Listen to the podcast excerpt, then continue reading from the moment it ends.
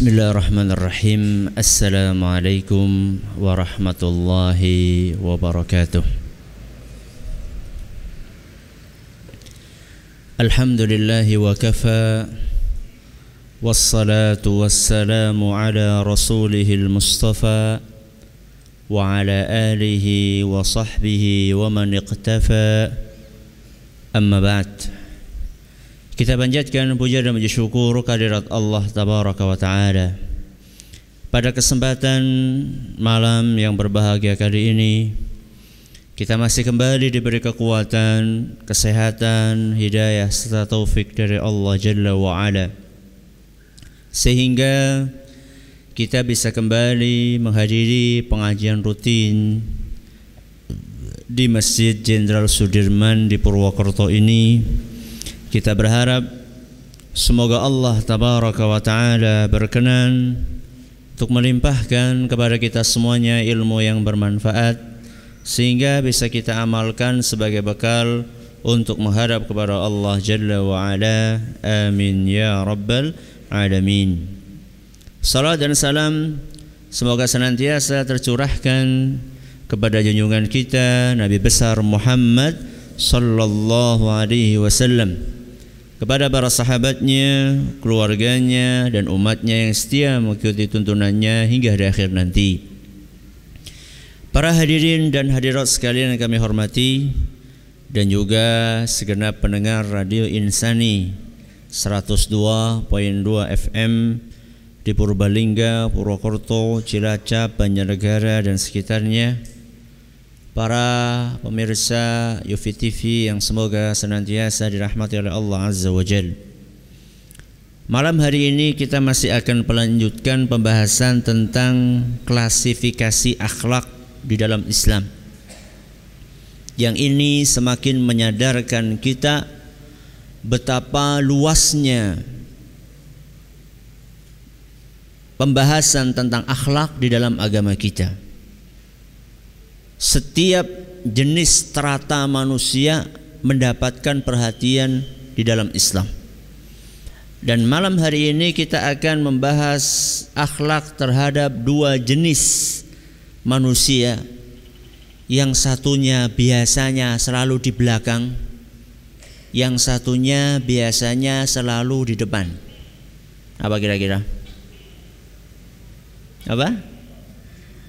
Yang di belakang adalah pembantu. Nah, yang di depan siapa? Biasanya kalau ada pertemuan yang suruh di depan siapa? Pejabat. Nah, pemerintah, penguasa. Jadi malam hari ini kita akan membahas akhlak satunya kepada pembantu, yang satunya kepada penguasa. Bagaimana sebenarnya akhlak yang diajarkan oleh Islam kepada dua jenis manusia ini? Kita awali pembantu dulu atau penguasa dulu? Hah? Penguasa? Pembantu dulu lah. Kasihan pembantunya. Masa sudah di belakang setiap hari sekarang di belakang lagi gitu. Sekali-kali ditaruh di di depan. Kita bahas masalah pembantu. Pembantu adalah salah satu jenis strata manusia yang sering dipinggirkan. Makanya sering diistilahkan mereka adalah orang-orang pinggiran. Ya. Padahal kebutuhan kita kepada pembantu itu sangat besar. Baru terasa pentingnya keberadaan mereka ketika mereka sedang mudik, ketika mereka sedang pulang kampung, atau ketika mereka sedang sakit nggak bisa berangkat kerja. Baru saat itu terasa betapa pentingnya keberadaan mereka. Saya yakin di sini mungkin ada yang nggak punya pembantu. Saya juga nggak punya pembantu. Akan tetapi saya yakin juga banyak yang punya pembantu. Makanya pembahasan tentang pembantu ini tidak diabaikan oleh ajaran agama Islam. Jadi ajaran Islam itu secara detil menjelaskan bagaimana seharusnya para majikan bersikap kepada pembantunya. Dan ketika kita berbicara tentang pembantu di sini, bukan hanya pembantu rumah tangga, bukan hanya PRT saja, termasuk juga pembantu di toko, ya, karyawan maksudnya, ya. Kemudian pembantu di pabrik, ya. Kemudian pembantu di hotel, OB, office, boy, ya. Tukang bersih-bersih kamar dan seterusnya. Itu juga masuk dalam kategori pembantu. Dan pembahasan tentang pembantu ini penting untuk kita kemukakan karena di zaman kita ini sebagian orang mengira pembantu itu kayak budak. Jadi hadis-hadis yang berbicara tentang budak itu diterapkan kepada siapa? Kepada pembantu. Sehingga kita temukan ada orang yang diperbudak subhanallah tanpa ada kemanusiaan sama sekali. Kayak kerja rodi atau kerja romusa. Yeah. Baik, yang punya mobil mobil atau motor? Mobil. Yang punya mobil plat nomornya H8693. Yang punya mobil plat nomornya H8693, ada yang mau keluar. Ada yang mau keluar. Ya. Jangan-jangan lupa plat mobilnya sendiri. Jadi di sini Nabi kita Muhammad SAW ingin menjelaskan kepada umatnya bahwa pembantu itu tidak sama dengan budak. Budak saja harus disikapi dengan baik, apalagi pembantu. Kemudian di antara hal yang mendorong kita untuk mempelajari bagaimana adab terhadap pembantu ini karena seringnya interaksi mereka dengan kita. Ya. Karena seringnya interaksi mereka kepada kita sehingga kita perlu mengetahui bagaimana seharusnya kita bersikap kepada mereka. Di antara adab yang diajarkan oleh Nabi SAW terhadap pembantu, apa yang disebutkan dalam sebuah hadis yang diriwayatkan oleh Imam Bukhari dan Muslim. Sebelum saya sampaikan hadis ini, saya ingin mengingatkan bahwa pembahasan kita bukan pembahasan lengkap. Ini sekedar apa? Sampel, seperti yang sudah sering saya sampaikan. Bahwa kita ini judulnya klasifikasi akhlak. Jadi memberikan contoh Islam mengajarkan akhlak kepada ini, ini, ini, ini. Jadi bukan pembahasan total, makanya tidak lengkap. Ini hanya sekedar sampel saja. Di antara adab yang diajarkan oleh Nabi SAW untuk menyikapi pembantu adalah sebuah hadis yang diriwayatkan oleh Imam Bukhari dan Muslim di mana Nabi kita sallallahu alaihi wasallam bersabda, "Ikhwanukum khawalukum ja'alahumullahu tahta aidikum." Pembantu kalian adalah saudara kalian ini adalah asasnya. Ini adalah pondasinya di dalam kita menyikapi siapa? Pembantu. Pembantu kalian adalah saudara kalian yang Allah jadikan mereka di bawah kekuasaan kalian. Terus bagaimana wahai Nabi? Kalau seandainya pembantu itu saudara, beliau mengatakan faman kana akhuhu tahta yadihi falyut'imhu mimma yakul Barang siapa yang saudaranya di bawah kekuasaannya yakni pembantu maka hendaklah dia memberi makan pembantunya seperti makanan yang dia makan. Banyak dipraktekkan oleh majikan enggak?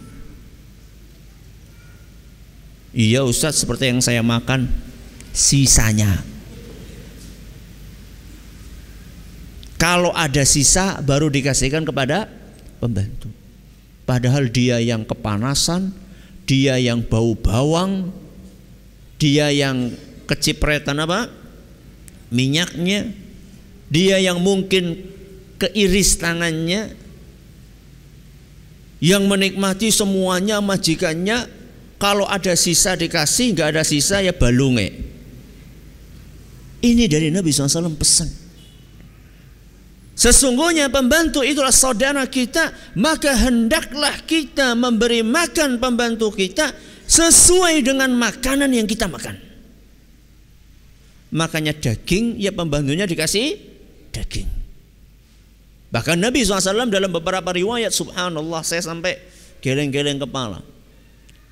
Nabi SAW itu sampai mengatakan, saya lupa redaksinya, dan hadisnya insya Allah sahih, hendaklah kalian wahai para majikan menyuapi pembantunya. Ini sampai segitunya gitu loh. Ya. Jadi makanan itu bukan hanya sekedar makanan, bukan hanya sekedar makanan sisa, tapi makanan yang kita makan. Bahkan kalau bisa, kalau seandainya pembantunya itu ya satu katakanlah uh, satu jenis ya, satu jenis maksudnya laki-laki dengan laki-laki, perempuan dengan perempuan, makan bareng satu meja. Ya. Ini yang pertama. Kemudian yang kedua pesan dari Nabi SAW, wal yulbishu mimma yalbas dan hendaklah majikan itu memberi pakaian terhadap pembantunya seperti pakaian yang dia pakai. Masa pembantu nganggo jas Ustaz? Ya kalau dia pakai enggak apa-apa, kalau dia mau pakai enggak apa-apa. Tapi nuhun saya kebanyakan dari kita memberi pembantu dengan pakaian yang bekas kalau masih layak bolehlah. Ini enggak. Ya, lebaran seluruh anaknya sepuluh diberikan baju baru. Pembantunya? Ya nggak dibelikan. Perasaannya itu di mana? Ya. Kita bukan bicara sekedar perasaan tapi ajaran Islam mengajarkan seperti itu. Ya kalau misalnya kita punya pakaian kualitas sekian ya kalau memang kita nggak bisa membelikan seharga itu ya jangan terlalu apa Jangan terlalu jomplang lah. Ya. Dibelikan kaos yang branded, ya, yang oh, kalau buat sendiri beli kaos yang branded, yang uh, lim, limited edition, ya di Indonesia keluarnya cuma lima potong misalnya, pembantunya dibelikan kaos yang kayak sarangan apa? Sarangan apa? Tahu Malah kalau perlu nyari kaos gratisan itu yang dibagi ketika apa? Kampanye. Seneng temen tuh akan kelambi anyar. Kulitakan kayak kaos kampanye kan akeh Saben partai kan bisa dijuluki siji-siji. Astagfirullahaladzim. Ini adab yang kedua yang diajarkan oleh Rasul SAW. Adab yang ketiga kata Nabi SAW, wala tukallifuhum ma yaghlibuhum. Jangan sekali-kali membebani pembantu di atas kemampuannya. Kadang-kadang sebagian majikan naudzubillahi min dzalik menganggap pembantunya itu kayak mesin yang nggak butuh istirahat. Mesin saja butuh istirahat. Sampai saya pernah diceritain sama teman kuliah saya. Dulu teman kuliah ini sebelum kuliah di Madinah sempat jadi pembantu. Ya, sempat jadi jadi karirnya itu masya Allah ya. Dari pembantu sampai bisa kuliah di Madinah. Dia cerita sama saya, Ustadz ketika saya jadi pembantu, ya, itu majikan saya kalau sudah ngepel, ya sudah nyapu, sudah ngepel, majikan saya itu akan melihat ke lantainya. Kemudian dia dengan jarinya itu dia usap. Masih ada ini, ulangi masih ada apanya? Masih ada debunya. Allahu Akbar. Coba sekarang gantian ente yang suruh kayak gitu. Ya. Coba ketika kita menyikapi orang lain, kita lihat bagaimana kalau kita disikapi seperti itu. Ya, rumah dua lantai, tiga lantai disuruh dipel semuanya setiap hari. Belum nyedot apa? Nyedot karpetnya belum nyuci uh, apa mobilnya yang nggak tahu jumlahnya berapa. Ya.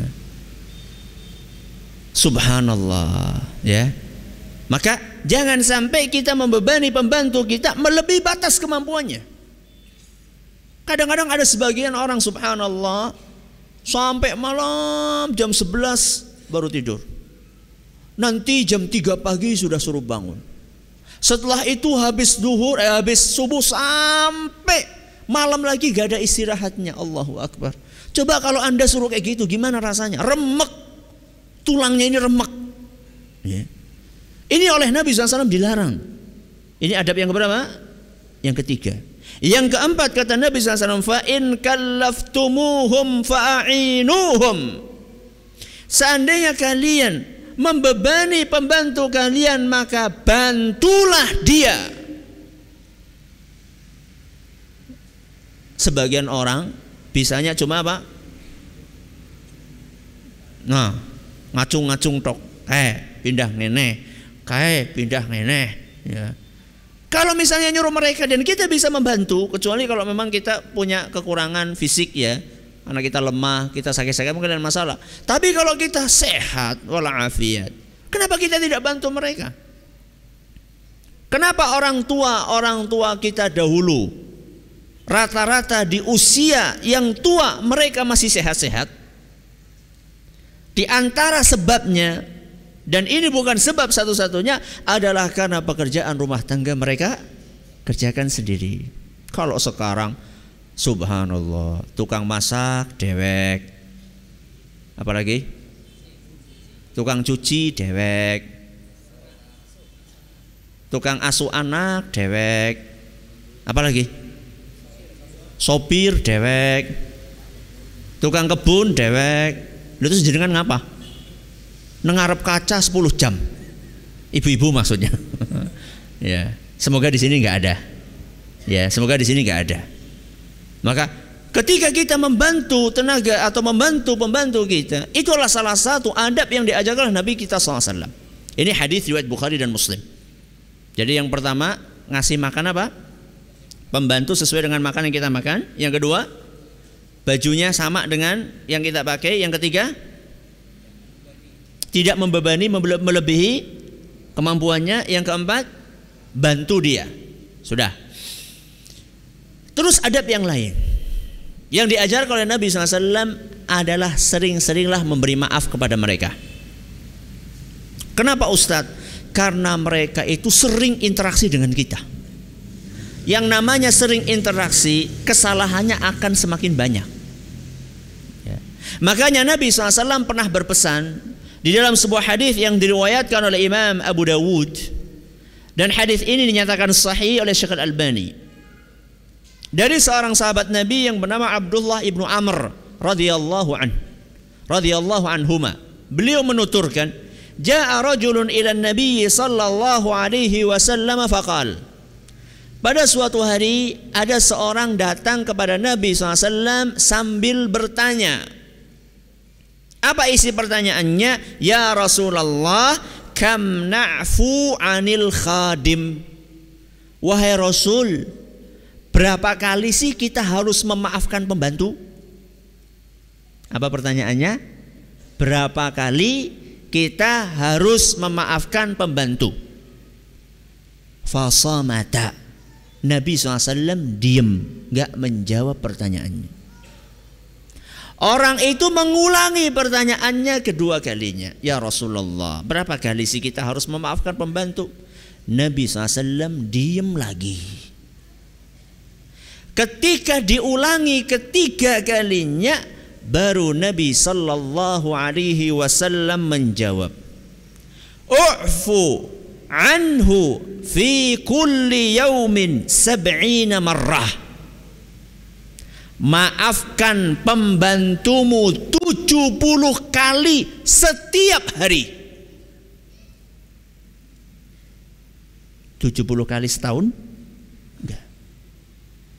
Enggak. 70 kali setiap hari.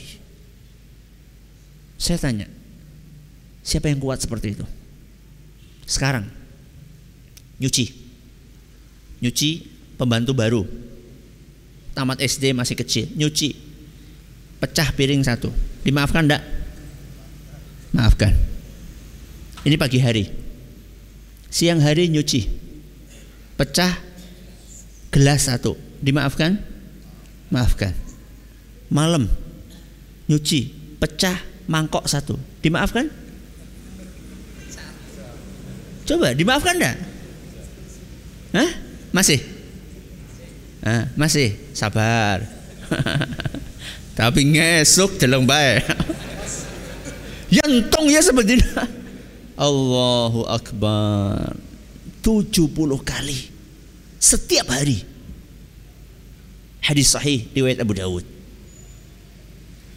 Tadi Nabi ditanya berapa kali? Tiga kali. Pertanyaan pertama, kedua, Nabi apa? Diam. Kenapa Nabi diam? Apakah Nabi nggak dengar? Dengar. Kenapa Nabi diam? Kenapa kira-kira? Di dalam kitab Aunul Ma'bud karya Syamsul Haq Azim Abadi dijelaskan Nabi diam karena Nabi tidak suka dengan pertanyaan tersebut. Kira-kira kenapa Nabi nggak suka? Kenapa nggak suka? Karena yang namanya memaafkan itu dianjurkan secara mutlak. Gak perlu ditanya berapa kali. Pertanyaannya tadi apa? Berapa kali kami harus memaafkan pembantu? Yang namanya memaafkan itu dianjurkan berapa kali pun kesalahan yang dilakukan oleh pembantu. Makanya Nabi Shallallahu Alaihi Wasallam tidak suka mendengar pertanyaan itu dan Nabi tetap diam. Loh terus kenapa dijawab? Lawang bola balik? Sampai tiga kali diulang-ulang. Orang ini nusewu kadang-kadang sebagian orang mungkin karena kurang paham akhirnya diulang-ulang-ulang. Padahal sebenarnya kalau pakai perasaan sudah ditanya sekali nggak jawab, dua kali nggak jawab, itu kan berarti memang nggak suka kalau ditanya pertanyaan seperti itu. Akan tapi mungkin wallah alam saya nggak tahu. Biasanya yang seperti ini tipenya tipe Arab Badui. Ya, makanya kalau ada orang Arab Badui datang kepada Nabi SAW nanya, para sahabat senang. Karena biasanya orang Arab Badui itu apa? Apa istilahnya? Dablek. Jadi belak-belakan gitu loh. Terus tenang. Eh, dan itu para sahabat gak berani seperti itu. Ini para sahabat Nabi yang dekat Abu Bakar, Umar itu gak berani seperti ini. Ya. Tapi kalau ada Arab Badui, Arab gunung, ya, dari gunung datang, ya, itu mereka memang memang punya sifat seperti itu. Makanya eh, para sahabat senang, senang karena mereka berani tanya apa yang tidak berani ditanyakan oleh para sahabat yang lain. Ya, ini adalah adab kepada siapa? Pembantu. Kemudian berikutnya adab kepada pemerintah, adab kepada penguasa. Penguasa ini, kalau tadi kita bicara tentang strata masyarakat yang sering dipinggirkan, ini kita akan berbicara tentang strata masyarakat yang sering di, di duduk di depan, eh, dihormati, ya. Kalau ada lewat, suruh berhenti semuanya, suruh jalan sendiri gitu. Ini pemerintah, ya. Akan tetapi di zaman kita ini pemerintah ini justru malah sering jadi bulan-bulanan. Ya. Mereka sering jadi sasaran tembak, cacian dan makian. Dan ini tentunya perlu untuk kita cermati. Ya. Bahwa pemerintah itu bukanlah sosok yang maksum. Apa maksum? Suci dari kesalahan. Sebagaimana kita rakyat juga bukan maksum sama saja kan? Nah, pemerintah nggak maksum rakyat juga nggak maksum. Pemerintah punya salah rakyat juga punya salah. Terus bagaimana Ustadz kalau pemerintah salah? Kalau pemerintah salah tidak boleh diam. Kenapa Ustadz? Karena kalau kita diam dikhawatirkan kita akan khianat. Ya. yeah. Karena salah satu kewajiban rakyat kepada pemerintah adalah menegur pemerintah itu ketika salah. Akan tetapi ada tapinya ini. Menegurnya harus pakai adab dan etika. Ya. Ini yang kadang-kadang dilupakan. Sebagian orang mendiamkan kesalahan pemerintah. Maaf karena ingin menjilat. Ya. Yang penting saya dapat duit, masalah dia salah itu yang penting kepentingan saya sudah tercapai. Ini orang-orang mental A B S apa? Asal bapake seneng. Asal babe seneng. Ya, pokoknya yes, yang penting saya dapat duit, ya.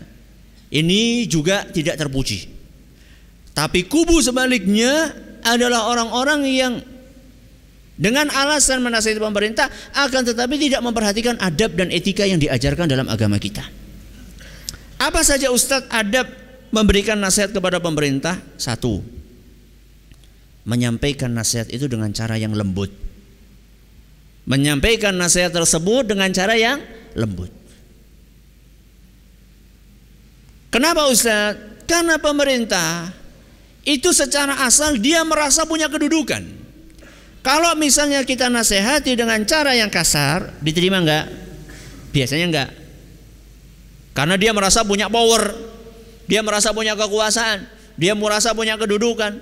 Kamu siapa? Kok kamu enggak sopan sama saya? Biasanya enggak diterima. Nah tujuan nasihat apa sih? Tujuan nasihat adalah ingin memperbaiki. Lah kalau misalnya nggak diterima nasihatnya, bagaimana mau baik? Ya. Jangankan pemerintah yang punya kedudukan, kita aja, kita ini nih, kalau dinasihati dengan cara yang kasar mau nggak? Gak mau. Padahal kita rakyat biasa, apalagi orang yang punya kedudukan. Makanya pesannya Allah Subhanahu wa taala kepada Nabi Musa dan Nabi Harun ketika mereka berdua diutus oleh Allah untuk menasehati Firaun. Ini pesan dari Allah Subhanahu wa taala yang harus sering kita baca. Kemudian kita praktekkan dalam kehidupan kita sehari-hari. Apa yang Allah pesankan dalam Al-Qur'an surat Taha ayat 44. Dalam surat Taha ayat 44 Allah Subhanahu wa taala berfirman, "Faqula lahu qawlan layyina." Wahai Musa dan Harun, sampaikan nasihat kepada Firaun dengan cara yang lembut. La'allahu yatadzakkaru aw yakhsha. Siapa tahu Firaun ini mau menerima atau mau takut kepada Allah Subhanahu wa taala. Coba saya tanya, Fir'aun itu siapa? Orang kafir apa orang Islam? Kafir. Kafir tok? Kafir tok? Bukan kafir tok. Dedengkotnya orang kafir. Yang dia pernah mengatakan, Ana rabbukumul a'la. Aku ini Tuhan kalian yang paling tinggi. Pernah mengatakan kepada menterinya Haman, Ya Haman ibnili sarhan. La'alli ablughul asbab. Asbab as-samawati fa'attali'a ila ilahi Musa. Wahai Haman, tolong bangunkan menara yang tinggi sampai ke langit. Saya pengen tahu, pengen kenalan sama Tuhannya Musa. Mana toh? Bayangkan. Sedemikian kufurnya Fir'aun. Nabi Musa dan Nabi Harun ketika dikirim oleh Allah untuk menasihati Fir'aun, pesannya Allah apa? Sampaikan dengan cara yang lembut. Fir'aun disuruh dilembuti, apalagi Apalagi yang di bawahnya Firaun. Sebagian orang di zaman kita ini sama saudaranya sendiri nggak bisa lembut. Ya, bukan bicara Muslim, akidahnya sama, ya, manhajnya sama, tapi nggak bisa sikap dengan lembut. Subhanallah. Firaun saja yang Allah tahu bahwa Firaun ini akan mati dalam keadaan kafir. Tahu nggak Allah? Tahu. Sudah ditulis dalam Lauhul Mahfud bahwa Firaun ini akan mati dalam keadaan kafir. Allah tahu Firaun akan mati kafir tapi tetap Musa dan Harun dipeseni oleh Allah supaya menyampaikan nasihat itu dengan cara yang lembut. Bagaimana kalau di bawahnya level kekufurannya siapa? Firaun. Ini yang pertama. Sampaikan nasihat dengan cara yang lembut. Yang kedua, ini juga ada yang sering diabaikan. Menyampaikan nasihat tersebut sembunyi-sembunyi, tidak di hadapan umum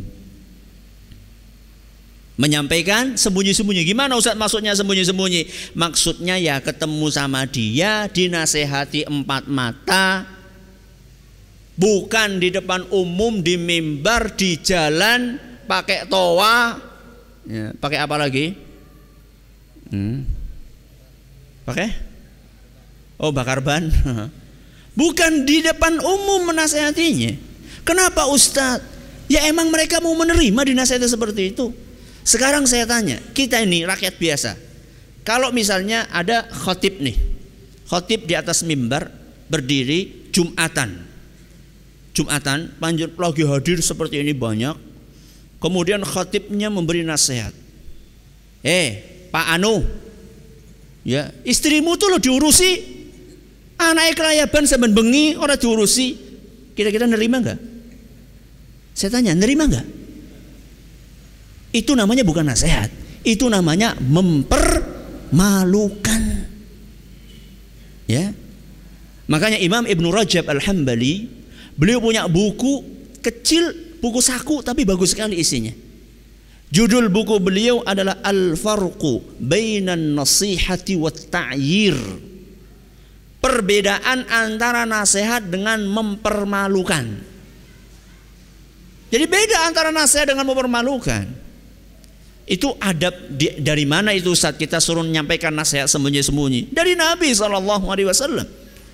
Sejak 14 abad yang lalu dalam sebuah hadis yang diriwayatkan oleh Imam Ahmad. Dan juga diriwayatkan oleh Imam Ibnu Abi Syaibah dalam kitab beliau As-Sunnah. Maaf Ibnu Abi Asim dalam kitab beliau As-Sunnah.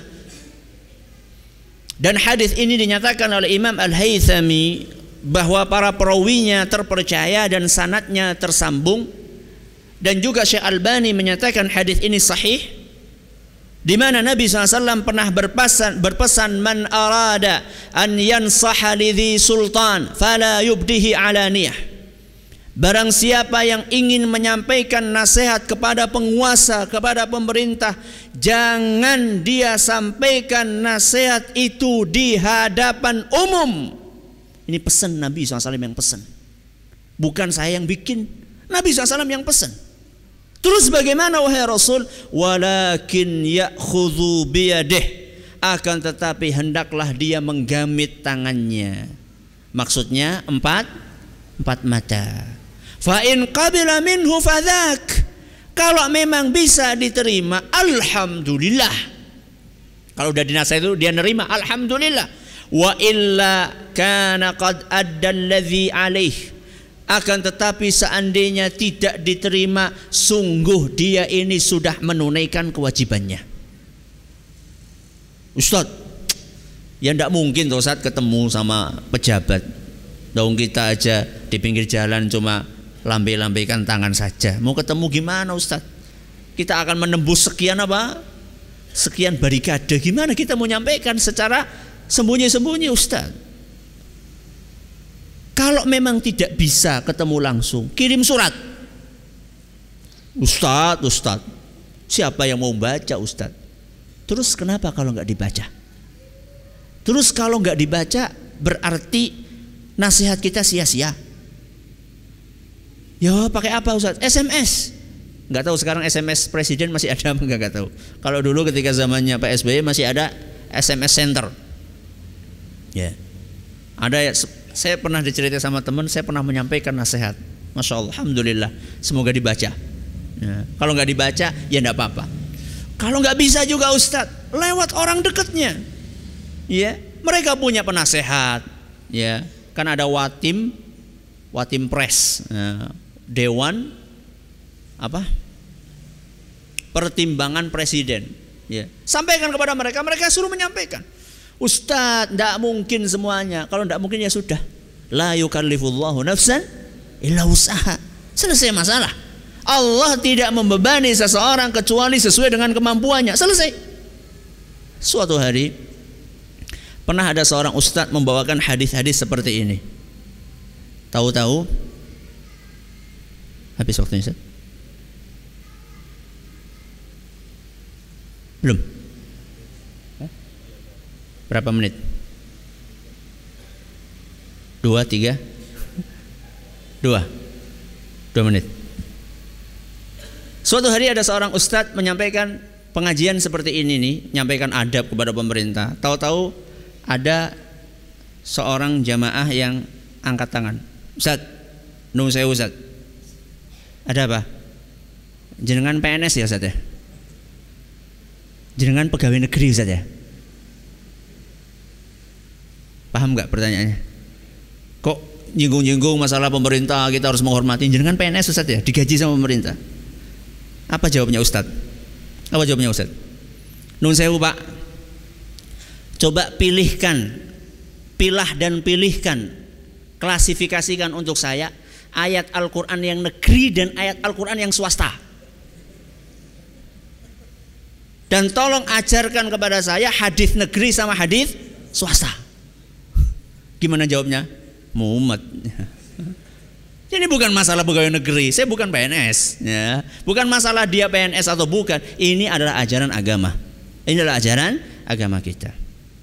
Semoga bermanfaat, bermanfaat buat kita semuanya. Terima kasih atas perhatiannya. Mohon maaf atas segala kurangannya. Kita tutup dengan membaca Subhanakallahumma wa bihamdika asyhadu an la ilaha illa anta astaghfiruka wa atubu ilaik. Assalamualaikum warahmatullahi wabarakatuh.